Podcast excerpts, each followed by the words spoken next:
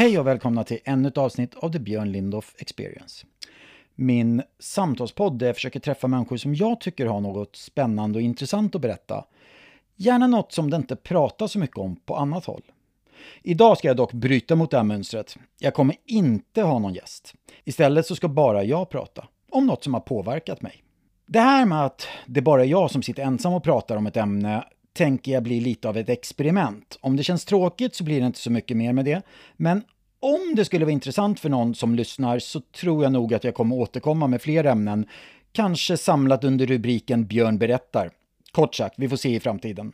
Jag tror att det här är något som jag ändå vill göra ibland i min podd. Prata helt själv om saker som jag snöat in på. För jag snöar in på ganska många olika saker och jag har en förmåga att suga upp ganska mycket kunskap om ett ämne innan jag går vidare till nästa. Genom åren så har det rört sig om allt från hur man bygger datorer till restaurering och renovering av motorcyklar. Idag tänkte jag berätta om hur jag genom, eh, när jag var sjukskriven för utmattning för några år sedan eh, och mådde jävligt dåligt, men hur jag genom den perioden i mitt liv ändå fick tre nya intressen. Eh, vi får se, kanske blir det lite känslosamt eftersom jag kommer att prata om en tid i mitt liv som jag tycker var oerhört jobbig. Eh, Kanske kommer det också bli lite hoppfyllt eftersom jag hittade glädje genom allt det där jobbiga. Jag tänker mig att vi börjar kanske lite med det där jobbiga. Många blir utbrända på grund av jobb. Jag skulle säga att när jag blev utbränd så var det inte jobbet som var grejen primärt. Det bidrog, men det var nog inte det primärt. Eh, 2015, 2016, 2017, 2018 där någonstans började min pappa som då bodde i Peru på den tiden. Han har ju bott där i en 15 år någonting. Um, han älskade landet och flyttade helt enkelt dit när det började närma sig pension för han helt enkelt. Uh, omkring 2016-2017 började han bli galen. Han... Jag säger galen för jag har inget annat ord på det, men han... Han började höra röster, han fick för sig att han var förföljd, han fick för sig att det att det var liksom någon som var ute efter honom. Han såg rök sippra in under dörrar och grejer till rum där han låg och sov och sånt där. Så han trodde att folk höll på att förgifta honom och sånt. Och det där gjorde att han, han sa upp sin lägenhet som han hade där och sen flyttade han mellan olika hotellrum hela tiden. Och eftersom han var paranoid och var förföljd som han inbillade sig så bokade han flera hotellrum varje natt Eh, samtidigt så levde han ett liv som var så slarvigt så han tappade bort alla betalkort och allting så regelbundet. Så att efter ett tag ville inte banken att han skulle ha några mer kort. Så då var det min uppgift att plötsligt boka hotellrum åt honom från Sverige. Natt för natt för natt och ofta dubbla då. Så att han ringde stup i ett. Han tjatade om att jag skulle skicka över pengar. Han tjatade om att jag skulle boka hotellrum.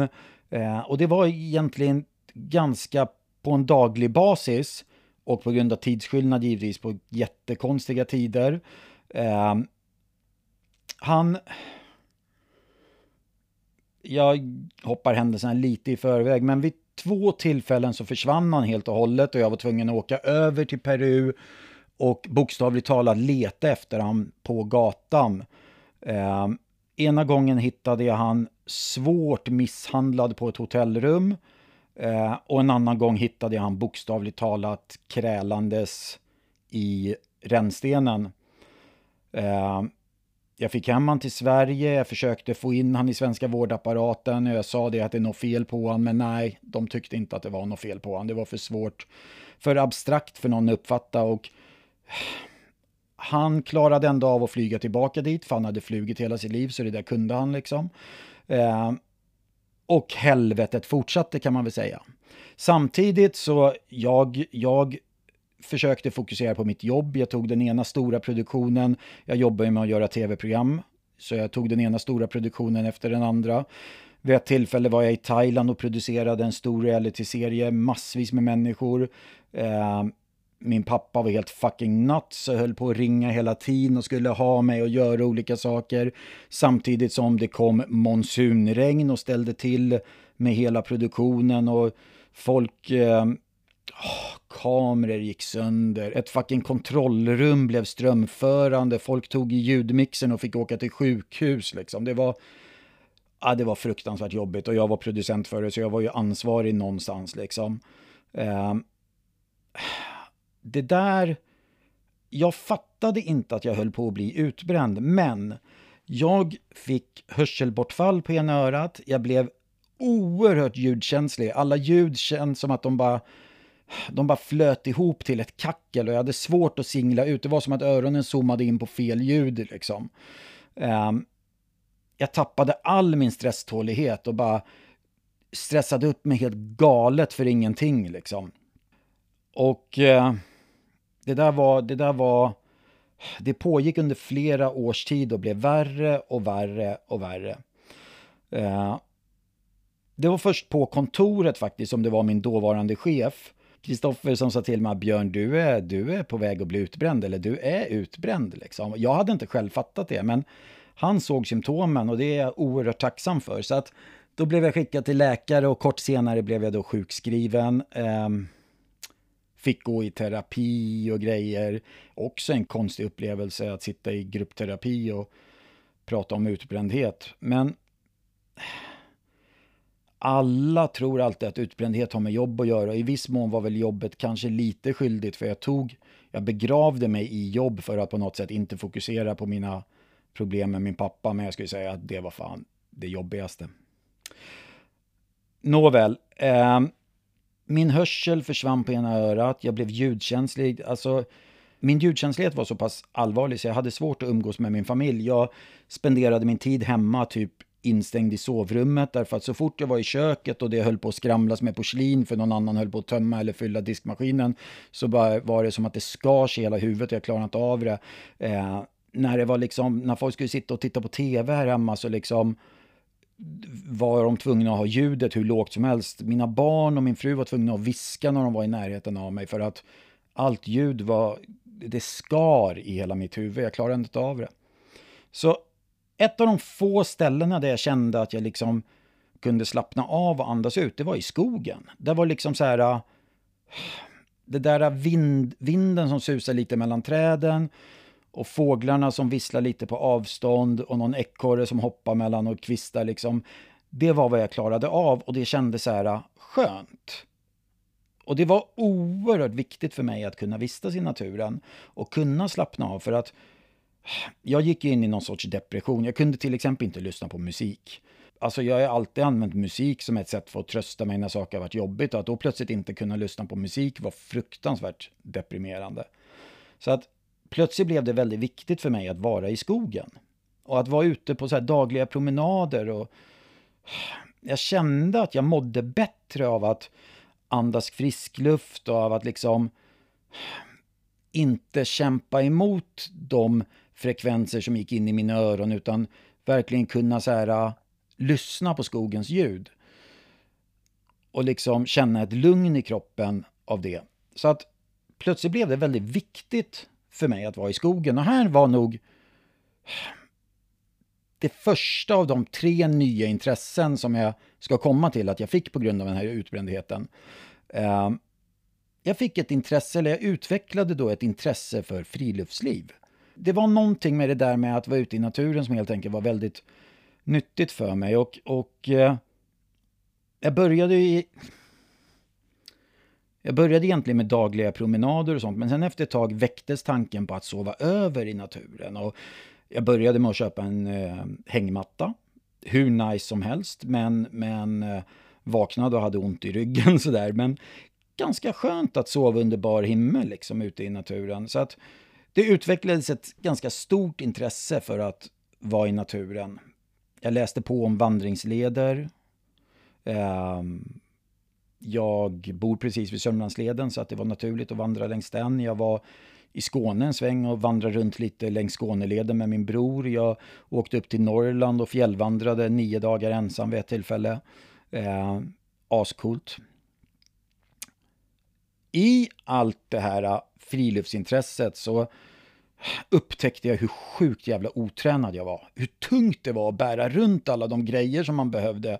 Alltså visst, jag hade börjat med hängmatta, men efter ett tag så blev det ju tält och liggunderlag och sovsäck och mat och allt sådär liksom som man behöver för att klara lite mer oväder och lite fler nätter och sådär. Och jag började märka hur sjukt jävla otränad jag var. Att det var tungt att bära, att liksom jag blev helt slut i kroppen. Eh, läste på lite på internet, hörde talas om att vadå, det finns ju faktiskt lättviktsgrejer, sånt som inte väger så mycket. Eh, köpte en lätt jävla ryggsäck, köpte lite andra grejer som var lite lättare. Eh, gick runt lite med det där ett tag och tyckte, ja det här var ju skillnad. Eh, men den där ryggsäcken, den liksom, den satt inte helt klockrent och den skavde lite när det blev lite tungt och allting. Så någonstans i min hjärna under alla de där promenaderna så föddes det någon sorts sjuk tanke om att vänta, jag kan nog sy sånt här bättre själv. Eller jag vill i alla fall prova. Och där kom egentligen intresse nummer två av de tre intressen som jag utvecklade när jag var sjukskriven för utmattning. Intresse nummer två, jag började sy egna ryggsäckar. Jag läste på helt galet mycket om högteknologiska material, eh, UHMWP-fiber, Ultra High Molecular Weight Polyethylen det är en högteknologisk fiber, starkare än stål per, per diameter på den så att säga. Eh, oerhört high tech att köpa tyg som är vävt i de där fibrerna.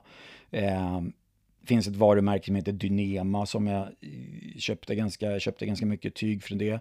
Eh, finns ett företag i USA som heter Challenge Sailcloth som eh, tillverkar ett annat eh, tyg kan man väl säga, som heter Ultra, som finns med olika då vävda tjocklekar eh, som jag snöade in på. Så kort sagt kan man väl säga att jag sydde väldigt många ryggsäckar i väldigt dyra material, men jag tänker en hobby va? En hobby måste ju få kosta en del pengar.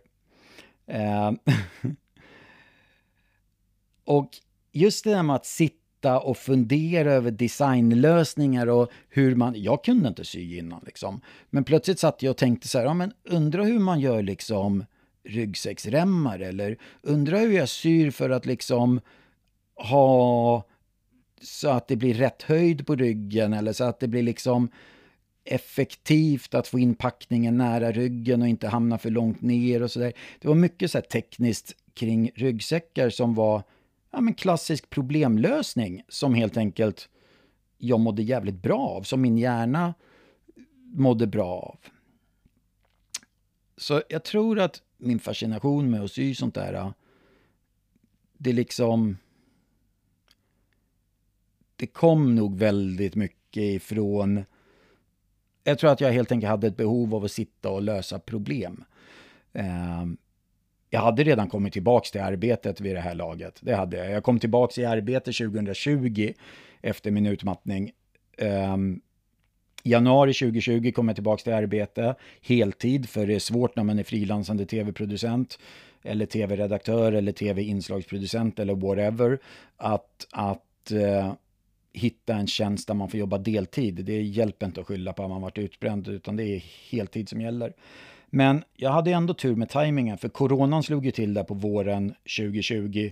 Så då var det dags att jobba hemifrån och det var ju perfekt start när man skulle mjukstarta lite efter att ha varit utbränd. Så att min utmattningssjukskrivning varade egentligen från maj 2019 till januari 2020 och sen jobbade jag. Eh, men även fast jag jobbade och så, så fortsatte då intresset för att vara i naturen och intresset för att sy material att ha med sig ut i naturen, det, det växte. Det växte. Jag tror jag ska komma in på den absolut, absolut nördigaste intresset jag skaffade mig under den här perioden. Det var i början av sjukskrivning, i början av utmattningen, de där gångerna när jag var ute och liksom inte stod ut hemma, när hela huvudet värkte och jag bara behövde komma ut i naturen och bara andas och slappna av. Eh, det var ju då framförallt under sommaren 2019. Men sen i slutet på sommaren då började jag må lite bättre. Och då när jag var ute, jag har alltid haft ett intresse för att laga mat. Jag tycker det är kul med god mat. Och då plötsligt så började jag plocka lite svamp under tiden jag var ute. Sådana svampar som jag kunde på den tiden och det var inte många. Det var typ kantareller och Karl Johan. Men då märkte jag att när jag hittade svampar som jag inte kände till, att då, att då slå sig ner på en stubbe och titta på svampen och titta vilka kännetecken man tittar på för att lära sig en ny svamp. Hur skivorna sitter infästade vid, vid kanten där mellan hatten och foten, hur hatthuden är, liksom eventuellt går över kanten och liknande. Att lära sig olika kännetecken för olika svampar, det var riktigt bra mental gymnastik för mig märkte jag. Eh, det fungerade helt enkelt som ett sätt för mig under den där sjukskrivningen att lära mig börja tänka igen. Eh, jag hade stor hjälp av, av eh, en del Facebookgrupper och så där de har extremt stort svampkunnande. Eh, rekommenderar en grupp som heter Svampklapp på Facebook om man är eh, hobby, hobbyintresserad, svamp... Eh, eh, intresserad hobbymänniska och vill lära sig mer. De är sjukt duktiga där. Jag lärde mig väldigt mycket svamp faktiskt under ett tag. Jag skulle säga att hösten 2019, kanske ännu mer sen hösten 2020, då kunde jag mycket svamp. Nu har jag glömt bort några, men jag är fortfarande hyfsat duktig på det. Eh, jag var ute senast för några timmar sedan här och plockade lite svamp idag eh, med min dotter och min fru. Och det är trevligt att gå ut och lära min dotter hur man, hur man känner igen att en kremla är en kremla och hur man känner igen att en riska är en riska. Och, eh, hur man avgör vilka kremlor som går att käka och vilka risker som går att käka eller svampar överlag. Så där. Jag, tycker det, jag tycker det är kul att lära sig. Svampar överhuvudtaget är fascinerande livsformer. Eh, från början, alltså för några år sedan, då visste jag inte ens att det var ett eget släkte. Jag tänkte på svampar som typ växter. Men eh, nu skäms jag nästan över den okunskapen. Eh, folk som kallar typ svamp för växter idag tycker jag, usch, usch, att de inte skäms. Eh, svampar är en egen livsform, de är närmare i DNA vi har mer gemensamt på DNA-nivå med svampar än vad en svamp har med en morot. Det är fantastiskt fascinerande livsform, det är det. Nåväl, jag rekommenderar verkligen det. Om man är trött i huvudet, hjärnan inte riktigt klarar av att bearbeta kunskap, då är det ganska lagom att slå sig ner på en stubbe i skogen, ha en svamp i ena handen, ha telefonen i andra handen, leta kännetecken, fundera, lukta, smaka, långsamt mata hjärnan med ny kunskap samtidigt som man kommer hem och har liksom någonting att steka och ha till middag. Liksom. Fantastisk grej. Som jag sa, jag var ute och plockade svamp senast för några timmar sedan. Då hittade jag några kantareller, några trattkantareller, rödgul trumpetsvamp, blek och orange taggsvamp, brödticka och fårticka och en enda stackars ensam svart trumpetsvamp. Bra resultat tycker jag ändå. Det var bara typ en timme som jag var ute. Jag syr fortfarande regelbundet, även om det inte är riktigt lika maniskt som det var ett tag, måste jag säga. Um, och jag försöker fortfarande röra mig ute i naturen. Jag gillar naturen. Det är, naturen är, det är dit man går för att läka sig själv. Så är det. Vi kommer från naturen ursprungligen det, vi har någon form av samhörighet med naturen och det, det, är där, det är där man kan ta sig tid att, att gå igenom vad man har i huvudet och låta, låta kroppen och sinnet läka i lugn och ro. Så, det var historien om hur jag berikade mitt liv med tre nya intressen under en oerhört jobbig tid i mitt liv.